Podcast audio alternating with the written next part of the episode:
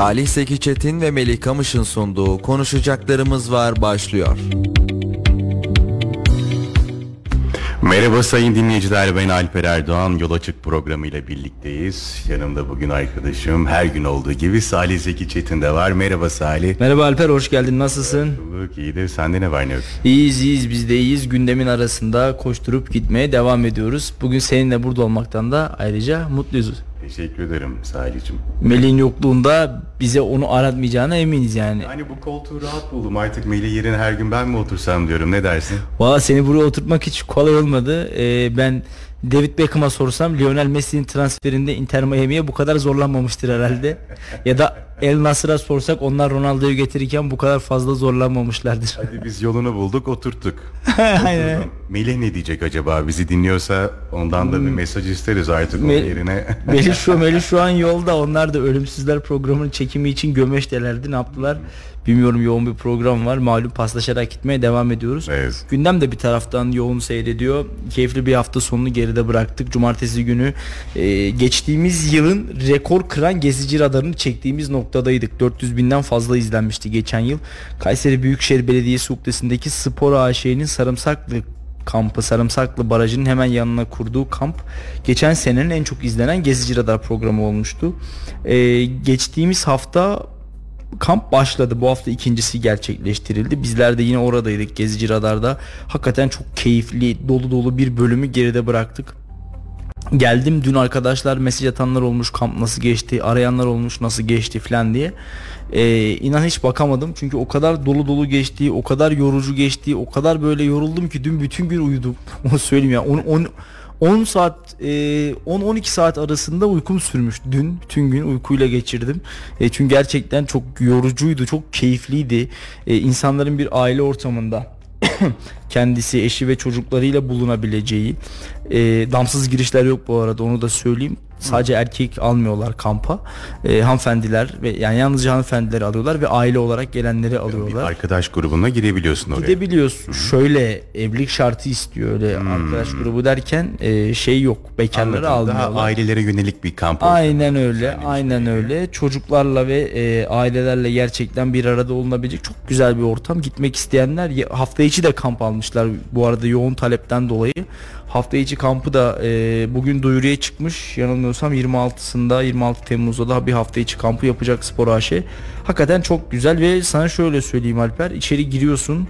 e, seni Büyükşehir Belediyesi'nin önünden alıyorlar serviste. Sarımsaklı'ya götürüyorlar. Önce oyun alanları açılıyor. İşte e, aile parkuru, Survivor parkuru diye bir yer yapmışlar. Orada yarışıyorsun. Akabinde e, voleybol turnuvası yapılıyor. Çocuklar için 8-10 tane oyun aktivitesi var. E, futbol, basketbol, voleybolun dışında e, yani daha böyle farklı sporlar örneğin Jenga tarzı ya da yapboz tarzı bir sürü oyun var. Bunun yanında masa tenisi gibi işte daha farklı atıcılık yapabiliyorsun. Ok attırıyorlar falan. Akabinde yemek saati geliyor. Ve e, mangallar yanıyor orada. Spor AŞ mangalı yakıyor. Köfte, tavuk ve sucuk da e, mangal yapıyorlar. Yanında pilavı, tatlısı vesaire her şeyi içeceği mevcut. E, akabinde ise canlı müzik başlıyor. Ama canlı müzikten önce bir de dans gösterileri var. Spor AŞ hocaları çok güzel danslar yaptırıyor. Gelen konuklara akşam sporu olmuş oluyor bir yerde. Akabinde canlı müzik başlıyor. Canlı müzikten sonra karaoke saati başlıyor. Bütün aileler karaoke ile yarışıyor. Ve e, bu arada biz e, karaoke'de e, iyi performanslardan birini sergiledik. Voleybol turnuvasında ikinci olduk. Bravo. Şimdiden spoiler vereyim izleyecekler için. e, akabinde saat 11 11.30'a doğru gece çorbası servisi yapılıyor. Gece çorbası içiliyor ve kamp ateşi yakılıyor. E, ve daha sonra da tabii ki katılımcı çocuklara günün anısına güzel bir katılım formu veriliyor. Bunun yanında aileler canlı müzik dinlerken ve karaoke yaparken çocuklar da hemen arka tarafta çocuk sinemasına katılıyorlar. Patlamış mısır, e, jelibon, işte çikolata, cips gibi ikramlar oluyor çocuklara. Çay, kahve ve su ücretsiz ikram olarak veriliyor. Ve bütün bunlar e, kamp da içinde tabii ki çadır ve e, uyku tulumu, yatak hepsi içinde. Büyük fiyatı 350 TL, çocuklar ise 300 TL'den rezervasyon yaptırabiliyor. Hem fiyat çok uygun hem de gerçekten e, keyifli bir vakit geçirme formülü diyebiliriz. Yani bir daha mümkün olursa ailemi alıp giderim diyorsun sahi. Ben zaten geçtiğimiz yıl da yine gittim. Ee, çekim dışında da kampa gittim. Bu yıl tekrar düşünüyorum. Yani Biraz böyle şehrin keşmekeşinden bizi uzaklaştırıyor. Biraz o şehrin yoruculuğundan, boğuculuğundan, trafiğinden uzaklaştırıyor. İşte gece özellikle fotoğraf severler için çok güzel uzun pozlama yapılacak ayın ve yıldızların bir arada olduğu çok güzel fotoğraflar ortaya çıkıyor. Benim de e, bir fotoğrafım var. Tam arkamdan da yıldızlarla beraber bir uçak geçiyordu. Uçağın kat ettiği yol da gözüküyor. Çok hoş hakikaten doğayla iç içe olabileceğiniz keyifli bir ortam diyebiliriz. Gündemde ne var? Onu da kaçırmayalım istersen senden onu Salih gündemde şu an için en önemli konu bir kabine toplantısı diyebiliriz. Cumhurbaşkanı yaptığı körfez turundan sonra ilk defa kabineyi topluyor. Bakalım neler çıkacak, neler görüşülecek. Emekliye seyehen bir zam çıkacak mı? Bunu yazan yazarlar, gazeteciler de var bugün için. Ee, emekliye seyyanen bir zammın ben yıl sonuna kadar çıkabileceğini düşünmüyorum. Onu söyleyeyim. Çünkü hani memur zammı, emekli zammı vesaire derken zaten devlet yani hükümet kendi kasasında e, çok böyle aman aman bir doluluk olmadığını bize zamlarla beraber, ÖTV zammıyla beraber e, göstermiş oldu. Çünkü devletin kasasında yüklü miktarda paramız olsa ya da e, memurdan sonra emekliye de seyyanen bir zam yapabilecek kadar e, zammımız olsa sana şunu söyleyeyim herhalde bu kadar fazla vergiyi devletin e, vatandaşın sırtına yüklemezler ama tabi bunun yanında baktığımızda da e, özellikle 2 MTV öde ödeşimize ve e, akaryakıttaki ÖTV miktarının artmasına, doğalgazdaki ÖTV miktarının 3 katına çıkartılmasına filan baktığımız zaman kasamızın çok da dolu olmadığını, ekonomimizin çok da iyi noktalarda olmadığını görüyoruz. Ben bu sebeple yıl sonuna kadar herhangi bir seyyanen zammın yapılacağını düşünmüyorum daha fazla bizim kullandığımız ürünlere zam gelmezse şükredeceğim sadece. Çünkü gerçekten bu dönemde zamlarla ciddi manada bunalmış durumdayız. Yine herhalde bu gece yarısından itibaren benzine 1 lira 99 kuruş yani neredeyse 2 liralık bir zam uygulaması yapılmış olacak. Ee, biraz alıştık biraz alıştırıldık zam haberlerine ama e, hani bu işin sonu ve ucu nereye gider bunu bilmiyorum bunu kestiremiyorum. Ama dediğim gibi ben emekliye herhangi bir seyyanen zam kararının kabineden e, çıkacağını düşünmüyorum. Evet ben de düşünmüyorum. Artık e, biraz toparlamamız lazım. Ekonomi mi zam olaylarını mı? Hem ekonomik olarak hem zam olarak. Fakat Memur Sen Genel Başkanı da e, memurlara tekrardan zam istemiş. Bilmem gördün mü? İki yıllık enflasyon verileri dikkate alınarak 2024 yılı için üçer aylık dönemler itibarıyla refah payı dahil birinci üç ayda yüzde otuz beş, ikinci üç ayda yüzde on, üçüncü üç ayda yüzde on beş, dördüncü üç ayda da yüzde on artış istiyoruz. Toplamda yüzde yüz on. Tabii şimdi şöyle e, istemek herkesin en doğal hakkı. Bizler iki yıl öncesinde Merkez Bankası'nın yapmış olduğu para politika faiz kararları, Cumhurbaşkanı'nın açıklamaları, o dönemki Hazine ve Maliye Bakanımızın tavrını göz önünde bulunduracak olursak e, bugün çektiğimiz sıkıntının ana kaynağının 2-3 yıl öncesine kadar dayandığını çok net bir şekilde görebiliyoruz.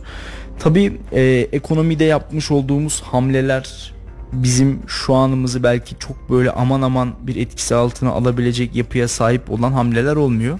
E, birkaç yıl sonrası için bizlere sinyallerini veriyor. Tıpkı geçtiğimiz yıllarda yaptığımız hataların ceremesini bugün çektiğimiz gibi üzülerek söylüyorum ne yaparsak yapalım anlık e, süspansiyonlarla sübvanselerle düzelmeyecek bir hadise. Bunun da yıllara yayılması gerekiyor.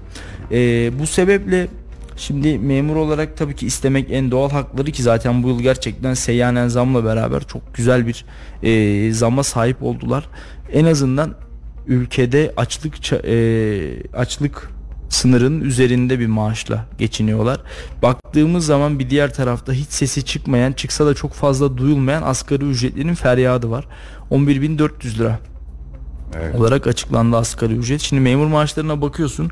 En düşük memur maaşı 22.500 lira. E, asgari ücret 11.400 lira. Yani ortalama bir asgari ücretlinin e, bir yılda kazandığını memur 6 ayda kazanıyor iki asgari ücretlerin bir ayda kazandığını memur bir memur bir ayda kazanıyor. Yani bu sebeple yapılacak olan iyileştirmelerin artık biraz ben e, memurlardan ziyade asgari ücretli noktasında yapılması gerektiğini savunuyorum. E, bunu da sadece asgari ücretlinin kendisine yapmak da yetmez. Üretim yapan, ürün satan, KDV vergisini ödeyen, ÖTV'sinin MTV'sini ödeyen e, ve işveren patronlara da bu noktada belli düzenlemeler getirilmeli. Gerek SGK anlamında gerek e, gelir vergisi ya da KDV anlamında belli düzenlemeler yapılmalı ki o insanlarda daha fazla asgari ücret çalıştırsın daha yüksek asgari ücret tutarlarını ödeyebilsin. Asgari ücret ilginç bir denge şöyle ilginç bir denge bir taraftan veriyorsunuz bir insan evini geçindirmek zorunda onu mutlu etmek zorundasınız bir diğer taraftan ise o maaşı ödeyeni de mutlu etmek zorundasınız çünkü onun da belli noktada gider kalemleri var ve geçindirmek zorunda olduğu bir evi var. E, bütün bunları göz önünde bulundurmak gerekiyor bu sebeple hem üreticiyi üreteni, patronu, işvereni hem de o maaşı alın teri akıtarak alan evine ekmek götürmeye çalışan işçi sınıfını memnun etmek gerekiyor. Bu da gerçekten zor bir denge, hassas bir denge. Ee, 11.400 lira bu denge için yeter yeterli mi dersen şu an herhalde Türkiye standartlarında 11.400 liraya şehir anlamında geçinebilen e, çok fazla insanımız yoktur diye düşünüyorum. Çünkü kirası, elektriği, suyu, doğalgazı, çocuğuna verdiği harçlık, hanımına bıraktığı para, evinin giderleri göz önünde bulundurulduğu zaman 11.400 liranın artık çok küçük bir rakam olarak kaldığını görüyoruz. E bu sebeple biz bir yerlere zam vermekten önce de bir yerlere zam talep etmekten önce önce ülke ekonomisindeki bu enflasyon olayını azaltmalıyız, durdurmalıyız hatta mümkünse. Önce elimizdeki paranın alım gücünü arttırabilmeliyiz. Yoksa bol sıfırlı rakamların bize herhangi bir getirisinin olmayacağını söyleyebiliriz. Ee, sonuç olarak bir markete girip bond çantayla işte birkaç bin lirayı oraya koyup bir aylık mutfak alışverişi yapacaksak bunun kimseye bir karı da bir getirisi de yok aşikar bir şekilde ortada. Bu sebeple Türk lirasının alım değerini, alım gücünü arttırabilmeli.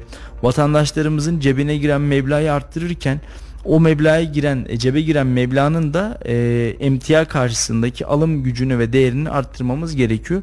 Ama en azından şöyle söyleyeyim 28 Mayıs'tan bu tarafa geldiğimiz noktada doların ve euronun hangi rakamlara geldiğini gördük. Bunu niye söylüyorum? Ee, özellikle AK Parti'nin seçim sürecinde vurgulamış olduğu belli politikalar vardı. Bunlardan biri istikrar. Diğeri e, ülke ekonomisinin eski düzeye ve seviyeye gelmesi eski derken 2005'li 2006'lı 2007'li yılları kastediyorum. E, bir diğeri ise Gabar'dan çıkardığımız petrolü ve Karadeniz'den çıkardığımız doğal gazı kullanarak vatandaşlarımızın bu ürünlere ucuz ulaşımını sağlamaktı. O günden bugüne geldiğimizde neler değişti bizim ülkemizde? Benzin fiyatları işte 27-28 30 e, liraları buldu. Dolar fiyatları 26-27 liraları buldu. Ee, Karadeniz'den çıkarttığımız gazın ÖTV'sini 3 katına çıkarttık. Evet belki bir ay o gazı evlerde ücretsiz olarak yaktırdık. 12 ay boyunca da sıcak suda ve yemek yapmak için kullandığımız doğal gazda e, herhangi bir ücretin alınmayacağını vurguladık. Ama bugün geldiğimiz noktada zaten MTV'yi 3 katına e, ÖTV'yi 3 katına çıkartarak doğalgazda vermiş olduğumuzu kepçe kepçe vatandaşın cebinden hükümet olarak almış olduk zaten. Ben şunu anlamıyorum. Madem paramız yoktu neden vatandaşa bir ay ücretsiz doğalgaz dedik, bir yıl ücretsiz ev tipi doğalgaz kullanımı dedik. şunu söyleyebilirdik. Dönem verme dönemi değil, dönem biraz kemer sıkma dönemi ve e, vatandaşlarımıza hani hiçbir vatandaşımızın o noktada ücretsiz kullanma gibi bir e, derdi yoktu. Hükümet bunu verene kadar böyle bir ki birazcık seçim vaadine dönüştü Heh, İşte yani bunu seçim vaadine dönüştürmeye de gerek yoktu. Ben şimdi e, milletvekilliği yapan o dönemin İçişleri Bakanı Süleyman Soylu'nun bir videosunu çok net hatırlıyorum. Bunu hatırlatmaktan da hiçbir yayında vazgeçmeyeceğim. İşte İstanbul'da seçim çalışması yaparken İngiltere'si, Çin'i, Almanya'sı, İtalya'sı, Fransa'sı hele de o her şeye burnunu sokan Amerika'sı var ya diyor Temmuz'dan sonra görecek diyor Türkiye ekonomisi nerelere gidecek. Öyle bir şahlanacağız öyle bir şahlanacağız ki diyor gününü görecek bu devletler diyor. Ve maalesef ben gününü görenin bu noktada ne Amerika ne Çin ne de bir başkası olduğunu düşünüyorum. Gününü gören sen oldun, ben oldum, biz olduk, vatandaş oldu. Günümüzü öyle bir gördük ki seçimden önce 17-18 liraya aldığımız doları şu anda 27 liraya alıyoruz. Seçimden önce 25-30 liraya aldığımız akaryakıtı şu anda neredeyse 2500 salih seçimden önce 18 liraydı. 18 liraya aldığımız akaryakıtı evet, doğru söylüyorsun. Ee, 50 liraya neredeyse almaya başlıyoruz. Ee, ben hep 50 liralık alıyorum diyenler artık ellerine birer bardak alıp e, akaryakıt istasyonlarına doğru geçecekler herhalde. Çünkü 6 lira gibi bir anda zam geldi. Bu Cumhuriyet tarihinde görülmemiş. Belki dünya tarihinde görülmemiş bir zam. Ee, Allah bir daha yaşatmasın. Hep konuşuyoruz. Ee, asrın felaketi, Maraş depremi, Hatay, Elbistan depremi hep konuşuyoruz. Ama şunu net olarak söyleyeyim. Ee, deprem sürecinde çok ciddi paralar toplandı. Belki de Maraş'ı, Hatay'ı, Elbistan'ı, Göksu'nu, Adıyaman'ı, Diyarbakır'ı, Şanlıurfa'yı yeniden inşa edebilecek büyüklükte bir para toplandı. Ve bizim şu an itibariyle ekonomik anlamdaki yankılar noktasındaki söylediğimiz en önemli hususlardan bir tanesi deprem ekonomisi, depremin ekonomideki kalıcı etkileri. Hem içeriden hem dışarıdan çok ciddi kaynaklar deprem noktasına aktarıldı zaten. Ee, ama bizim şu an için bence bir ekonomik anlamda da bir asrın felaketiyle karşı karşıyayız. Türk ekonomisi gerçekten her geçen gün değer kaybediyor, her geçen gün güç kaybediyor. E, bunun da önüne geçmemiz gerekiyor. Bir taraftan deprem hadisesinin yankılarını silerken bir diğer taraftansa vatandaşın ekonomik depreminin bence önüne geçmemiz gerekiyor. Aksi takdirde e, işte kalıcı konutlar yapacağız diyoruz, şunları yapacağız diyoruz, bunları yapacağız diyoruz. Fakat vatandaşa kalıcı manada e, destek olacak kalıcı manada vatandaşın gönlünü, yüreğini, kalbini kazanacak hareketlerin içerisine de hızlı bir şekilde girmemiz gerekiyor bence. Salih sana şöyle bir örnek vereyim. Depremin Türkiye maliyeti yaklaşık olarak 100 milyar dolar. Büyük bir para. Ama sence EYT'nin bütçeye maliyeti ne kadar Salih? İşte e, ne kadar ben söylemeyeyim bilmiyorum. 220 milyar dolar. 220 milyar dolar. Evet. Yani iki büyük 10 şehri etkileyen deprem gibi düşünmek lazım. Şimdi e, ben EYT noktasında şunu söyleyeyim. Kimse kusura bakmasın. E, 40 yaşında emekli olup işte önümüzdeki 40 yıl Allah uzun ömür versin 40 yıl 45 yıl bu devletin sırtından bir şekilde maaş alacaklar. Bence EYT'yi e, yine onu da bir seçim vaadi Kesinlikle. olayına dönüştürdük. KYK'ya olduğu gibi, KYK faizinin olduğu gibi EYT'yi de bir dep- e, seçim vaadi şovuna dönüştürdük. EYT hususunda bence daha ince eleyip sık dokunan bir çalışma yapılması gerekiyordu. Örneğin emeklilere öyle bir maaş vereceksin ki bir daha çalışmalarına gerek kalmayacak ya da e, öyle bir yasa getireceksin ki bir daha çalışamayacaklar. Ama biz ne yaptık? Size hem emekli ediyoruz dedik hem çalışmaya devam edin dedik. Bu sayede ne oldu? Bir taraftan emekli maaşları devletin sırtına yük oluştururken bir diğer taraftansa emekli olan EYT'liler çalışmaya devam ederek işsiz durumdaki e, kesimin önünü açmamış oldu. Bizim EYT'deki en büyük ukdemiz neydi? Bu insanları emekli edip boşalacak kadrolara yeni ve genç, dinamik işsizleri, işsizler ordumuzu yerleştirmekti.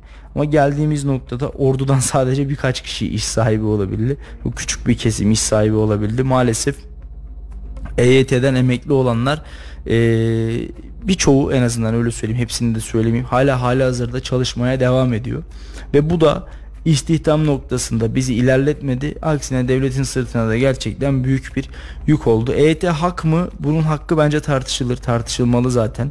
Ee, bu noktada dediğim gibi emekli olan insanın çalışmamasını sağlayacak bir maaşla o insanı emekli etmek gerekiyordu. Ya da e, çalışmamasını sağlayacak bir yasayla o insanı emekli etmek gerekiyordu. Ama biz o insanları hem emekli ettik hem istiyorsanız çalışmaya devam edin dedik. Bunun yükünü de vatandaş olarak biz ödemeye devam ederiz dedik. Üzülerek söylüyorum ki EYT e, belki niyet olarak doğru ama işleyiş bakımından hatalı bir e, hamle oldu diyebiliriz. Evet Salih ben niyet olarak da doğru olduğunu düşünmüyorum ama yarın meclis olağanüstü toplanacak muhalif partilerin isteği üzerine. Zannediyorum ki bu son ÖTV, KTV zamlarını artık ne diyelim hesap mı sormaya çalışacak. Konuşacak mıymış muhalefet? Tabii yarın meclis olağanüstü toplanacak Numan Kurtulmuş Başkanlığında. Evet. Muhalefetin isteğiyle son yapılan olağanüstü zamlardan ötürü. Şimdi e, ben sana şöyle söyleyeyim Alper. Güçlü muhalefet güçlü iktidarı beraberinde getirir. Ama ben bugün Tabii ki. Ben bugün muhalefetimizdeki yankıları duydukça üzülüyorum. Şöyle üzülüyorum. 14 Mayıs ve 28 Mayıs öncesindeki muhalefet söylemlerine baktığımda ve bugün muhalefet söylemlerine baktığımda sanki birbirinden çok farklı insanların yapmış olduğu açıklamalar gibi geliyor bana. Ee, bir tarafta iktidarı yıllardır elinde tutan, iktidarı yıllardır kaybetmeyen ve bu muhalefet oldukça da o koltukta oturacak olan bir isim var. Tayyip Erdoğan. Bir diğer tarafta ise defalarca kez seçim kaybetmiş ve e, işte bir diğer tarafı tek adamlıkla suçlarken yıllardır koltukta tek başına oturan, kendinden başkasını koltuğa yaklaştırmayan ve geldiğimiz noktada Cumhuriyet Halk Partisi gibi Türkiye Cumhuriyeti'nin en eski partisini bir kargaşa yerine dönüştüren bir e, isimden bahsediyoruz. Ben Türk siyasetindeki muhalefete e, maalesef üzülüyorum. Hakikaten üzülüyorum. Çünkü e, vatandaş böyle bir muhalefeti hak etmiyor. Muhalefet dediğin denetler, muhalefet dediğin eleştirir, muhalefet dediğin iktidarın çalışma mekanizmasının daha hızlı bir şekilde hayatımıza engaje olmasını sağlar ve iktidarı çalıştırır. Bizim muhalefetimiz ne yapıyor? İktidarın her yaptığına yanlış diyerek, beyaz dediğine siyah diyerek, kırmızı dediğine sarı diyerek, pembe dediğine mavi diyerek hareket etmeye çalışıyor. Ben ba- iktidara baktığımda son 20 yıldır onlar nezdinde yapılan her şeyin doğru, muhalefet kanadından baktığımda son 20 yıldır iktidarın yaptığı her şeyin yanlış olduğunu görüyorum. Ama şu bir gerçek ki bir şey her zaman doğru söyleyemez. Bir şey her zaman yalan da söyleyemez. Yanlış da olamaz. Bu bir gerçek. E, matematiksel olarak da istatistiksel olarak da böyle bir şeyin olmasının imkanı yok. Atalarımızın bir güzel bir sözü var ya bozuk saat bile iki kez doğruyu gösterir diye. E, ya da çalışan saat bile ara ara yanlışları gösterebilir. Bu sebeple e, ne birilerinin her zaman yaptığı doğru ne de her zaman yaptığı yanlış olarak yorumluyorum. Ama ben e, bizim şu anda içinde bulunduğumuz bu durumun en büyük sorumlusunun yine muhalefet sahipleri olduğunu düşünüyorum. Çünkü bir yerde iktidar başarısızsa eğer başarısız olduğunu düşünüyorsanız ve onların yerine siz iktidar olamıyorsanız demek ki iktidardan daha başarısızsınızdır. Ee, seçim bittiği günden bu yana gördüğüm tek şey Türk muhalefetindeki kavga, Türk muhalefetindeki kaos, Türk muhalefetindeki problemler.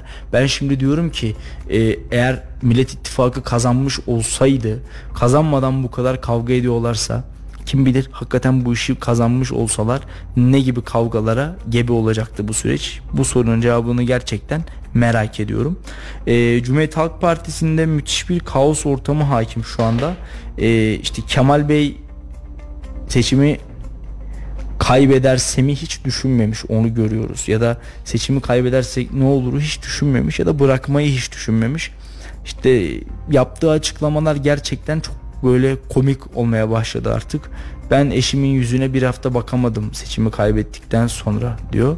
Ee, Kemal Bey eşinizin yüzüne bir hafta bakamadınız ama seçim kaybolduktan sonra ailenizle beraber milyonlarca e, lira harcayıp tatile gidebiliyorsunuz örneğin. Ya da eşinizin yüzüne bir hafta bakamıyorsunuz ama e, parti meclisinde ya da parti içerisinde size karşı olan kim varsa onu saf dışı edebiliyorsunuz örneğin. Şimdi bizler iktidarın yanlışlarını söylerken muhalefetin yanlışlarını ve muhalefetin içerisindeki yanlışları söylemeden geçersek burada büyük haksızlık etmiş oluruz. İktidar bizim iktidarımız, hepimizin iktidarı onu söyleyeyim. Ben Tayyip Erdoğan seçimi kazandığı gün aynı şeyi söylemiştim. Buradan Cumhuriyet Meydanı'na canlı yayın yapmaya gidiyorduk. İsterdim ki tüm insanlar o gün zaferi kutlasın. Çünkü Türk'ün e, seçim günü, Türk milletinin seçim günü Türk milletinin bayramıdır diye. E, Sayın Cumhurbaşkanı sadece %52 kendisine oy veren insanları yönetmiyor. Bu ülkenin %100'ünü yönetiyor. O yüzden ben isterdim ki Sayın Cumhurbaşkanı'nın kazandığı gün herkes ellerine Türk bayrağını alıp meydanlara koysun ve Türkiye'de yeni bir yönetim sürecinin yeni kadrolarla yönetilecek olan Türkiye'nin ilk gününü doyasıya kutlasın. Aynı şekilde e, Kemal Bey'in muhalefeti de ya da Türkiye'nin diğer ana muhalefeti de yavru muhalefetleri de hepimizin muhalefeti. O yüzden nasıl ki iktidarın bir doğrusunu ve bir yanlışını söylüyorsak muhalefetin de bir doğrusunu da bir yanlışını da söyleyebilmeliyiz bence. E, Türkiye'de bu seçimden sonra muhalefet olgusu ortadan kalktı. Muhalefet diye bir şey kalmadı. İyi Parti desen kendi içerisindeki küskünler ordusu, kendi içerisindeki kavga edenler, kendi içerisinde ayrılanlara dönüştü. Keza e, zaten altta tabanı olmayan Deva ve Gelecek Partisi'ni ortada göremez olduk. Saadet Partisi zaten vekillerini aldı ve onlar da bir kenara çekildi. Bunun yanında Cumhuriyet Halk Partisi de kendi içerisindeki kavgaya girişmiş oldu. Ee, Kemal Bey ısrarla kaybeden biz değiliz diyor. Ee, biz seçimi kaybetmedik diyor. Ne yap yaptığını ne yapıldığını o da anlamamış zaten bence. Geçen gün e, bir televizyon programına katılmış. Ya diyor TRT'den başka kanal diyor e, çekmiyor diyor. Yani çok ilginç, çok enteresan. Yani Kemal Bey'in Tunceli'deki köyünde bile herhalde bütün kanallar çekiyordur artık. O herhalde kendi e, SSK başkanlığı, SSK müdürlüğü yaptığı dönemde kaldı herhalde. Aklı ruhiyesi ki başka türlü böyle bir açıklamanın mümkünatı olamaz diye düşünüyorum. İzahatı da olamaz diye düşünüyorum. Koca koca adamlar öyle açıklamalar yapıyor ki şaşırıp kalıyorum. İşte birileri Starlink uydularıyla tüm dünyaya ücretsiz elektrik ve internet sağlamayı hedeflerken bir diğer tarafta muhalefetin, ana muhalefetin ve Cumhurbaşkanı'nın adayı %48 oy almış bir isim Türkiye'de TRT'den başka yerlerde televizyon çekmediği için insanların TRT izlemeye mecbur kaldığını filan düşünüyor.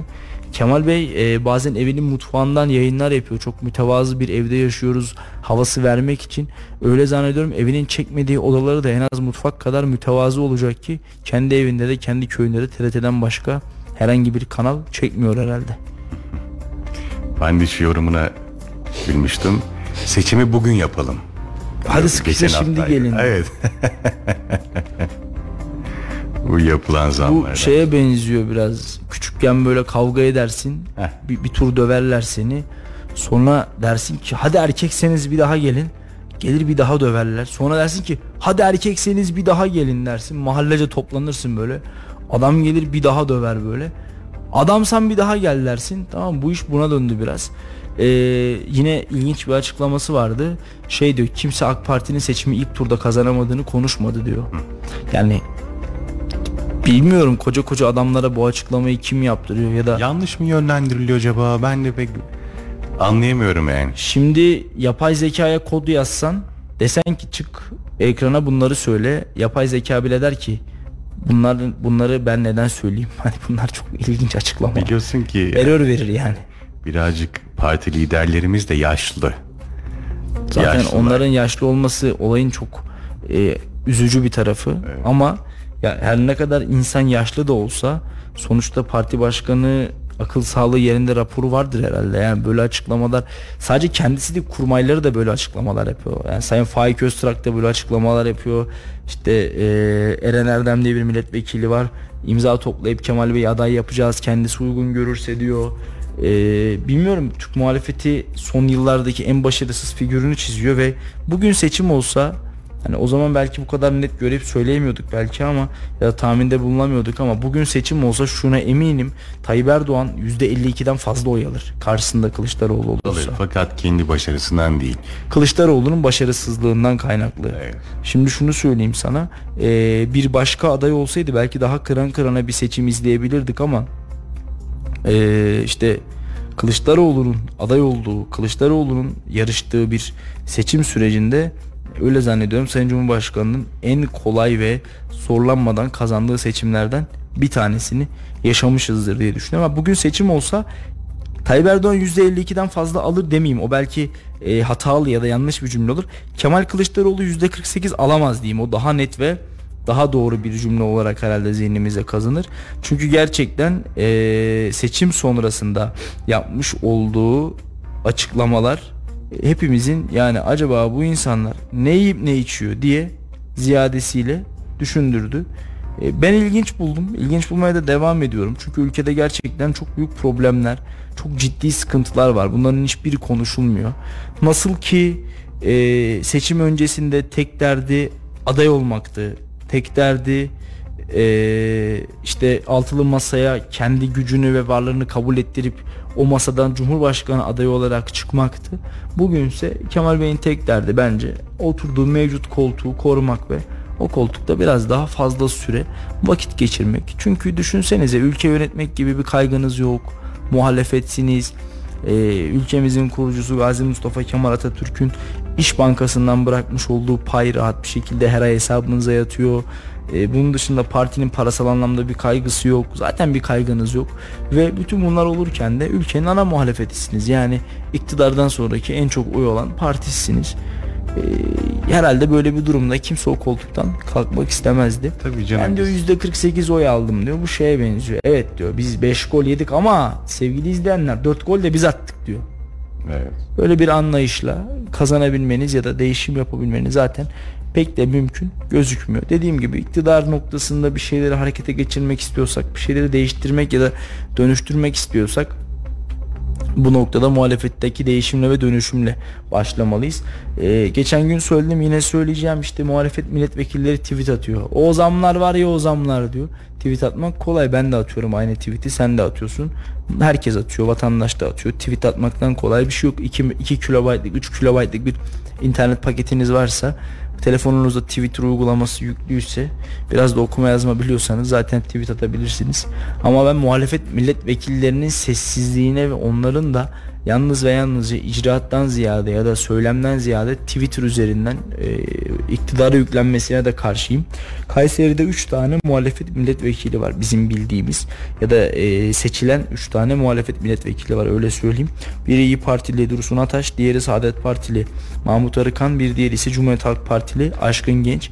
Ben şimdi sormak istiyorum yani yanlışım varsa düzeltin.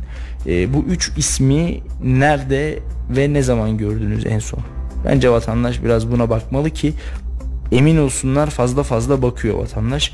E, Dursun Bey GİK üyesiydi geçen dönem. Ara ara da olsa Kayseri'de görüyorduk ya da sahada görüyorduk.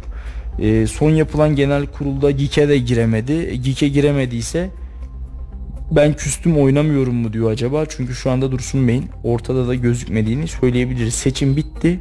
Dursun Bey'i bir daha görmedik. Aşkın Bey'i zaten seçim sürecinde de çok fazla görmedik. Ee, seçilmesi garanti birinci sıra adayı gibi bir pozisyondaydı. Ee, Mahmut Bey de açılışlara geliyor yine ara ara. Muhalefetle ve iktidarla görüşmelerine devam ediyor. O da ilerleyen sürede herhalde e, muhalefetin bu sessiz tavrı karşısında çok bir e, ses noktasında bir şey yapacağını sanmıyorum. Evet. Acaba Salih bakanların Temmuz ayına işaret etmelerindeki sebep Lozan'ın 100. yılını dolduracak olması mıydı? Ne dersin? Öyle mi şahlanacağız yaptırımlar kalkınca? Şey mi e, petrol mü çıkartacağız?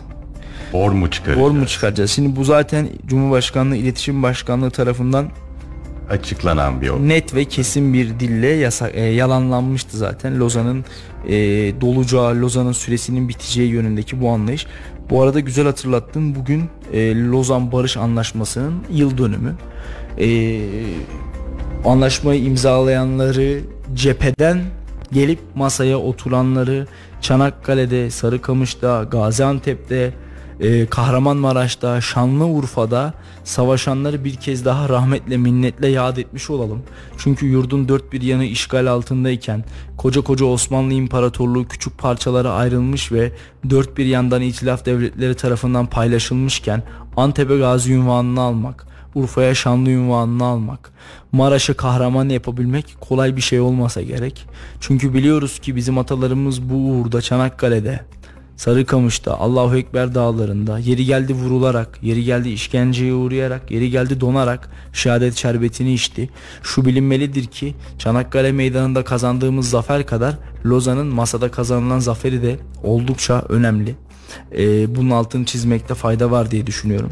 E, yeri geliyor unutturmaya çalışıyorlar. Yeri geliyor Lozan'ı küçümsemeye çalışıyorlar. Yeri geliyor masada kaybettik mesajını bir şekilde insanlarımıza vermeye çalışıyorlar. Ama şu iyi bilinmelidir ki Türkiye Cumhuriyeti tarihinin başlangıcı sayılabilecek nitelikteki bu olayları içinde olan, dışında bulunan, bu uğurda şehit olan, gazi kalan ya da e, bu olayı yöneten her kim varsa hakikaten hepimizin hepini, hepsini başımızın üzerinde taşımamız gerekiyor. Başta ülkemizin kurucusu Gazi Mustafa Kemal Atatürk olmak üzere bütün silah arkadaşlarını, ebediyete intikal etmiş şehitlerimizi, gazilerimizi rahmetle anmamız gerekiyor. Lozan'ın da bir zafer olduğunu hem de çok büyük bir zafer olduğunu sadece kendimize değil bizden sonraki kuşaklara ve çocuklara da anlatmamız gerekiyor. Lozan Barış Anlaşması'nın yıl dönümü kutlu olsun diyelim. Hakikaten bugün e, dış politikada ya da bugün ülke yönetmekte zaman zaman ne büyük zorluklar ve problemler çektiğimizi görüyoruz.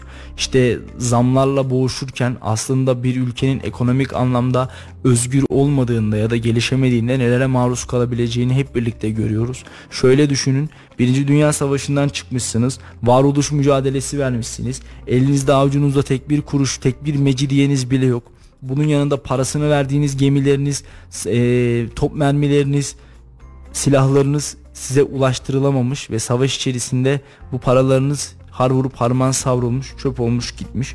Buna karşı e, İngiltere'si, işte e, Fransa'sı, İtalya'sı, Avrupa'nın şımarık çocuğu Yunanistan'ı sizden adeta tek bir toprak parçası alabilmek için sıraya geçmiş ve ülkenizin dört bir yanını kuşatmış. Sizler de bütün bu yokluklar içerisinde ve çoğunluğunun okuma yazma bilmeyen e, maalesef birçoğunun eğitim yüzü görmemiş bir ordu sistemiyle koca koca gemileri yeniyorsunuz. Koca koca insanları ülkeleri deviriyorsunuz.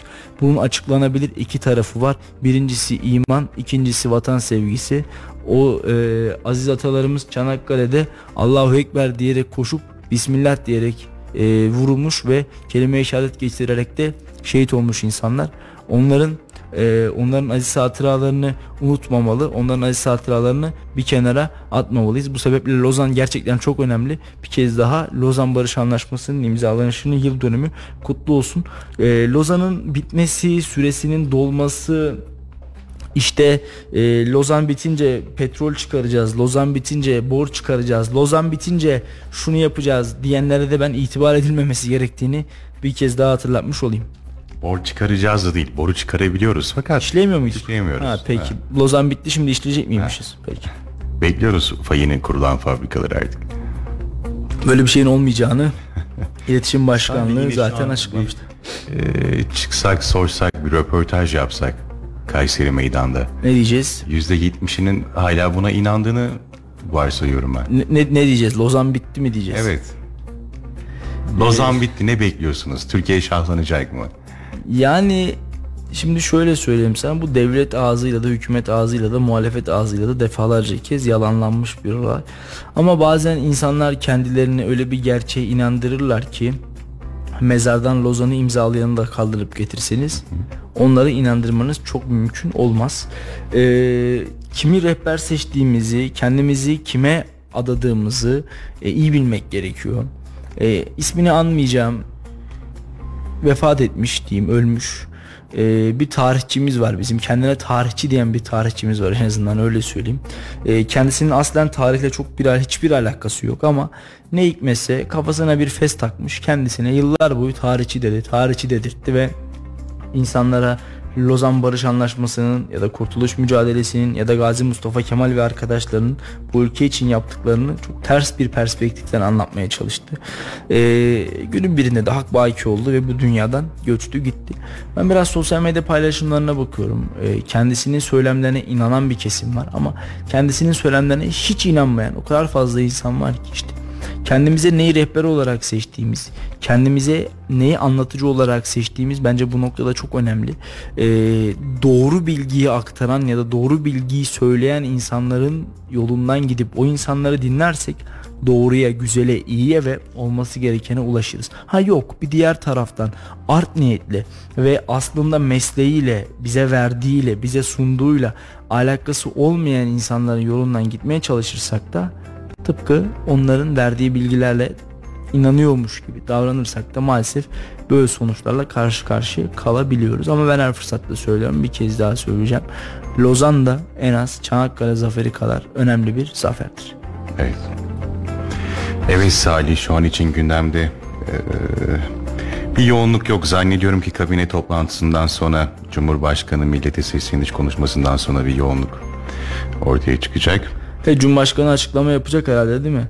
Onu bekliyorduk aslında. Zaman zaman yayın içerisine denk geldiği de oluyordu ama son kabineler biraz uzun sürdüğü için seçimden sonraki hiçbir kabineyi canlı yani bizim programımız en azından canlı aktaramadık ama e, yine sosyal medya hesaplarımızdan ve radyodan Sayın Cumhurbaşkanı konuşmaya başladığı anda e, ara vereceğiz ve yayını bitirip Sayın Cumhurbaşkanı'na bağlanacağız. Çünkü e, onu ulusa sesleniş niteliğinde yaptığı konuşmalar hepimizi ilgilendiriyor. Ben yine önemli gelişmelerin orada bize aktarılacağını düşünüyorum. Haftanın ilk yayın günüydü. Sana da teşekkür ediyorum. Ağzına yüreğine sağlık. Ben teşekkür ederim Salih.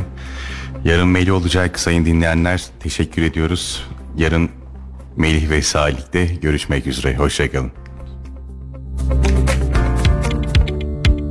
Salih Seki Çetin ve Melih Kamış'ın sunduğu konuşacaklarımız var sona erdi.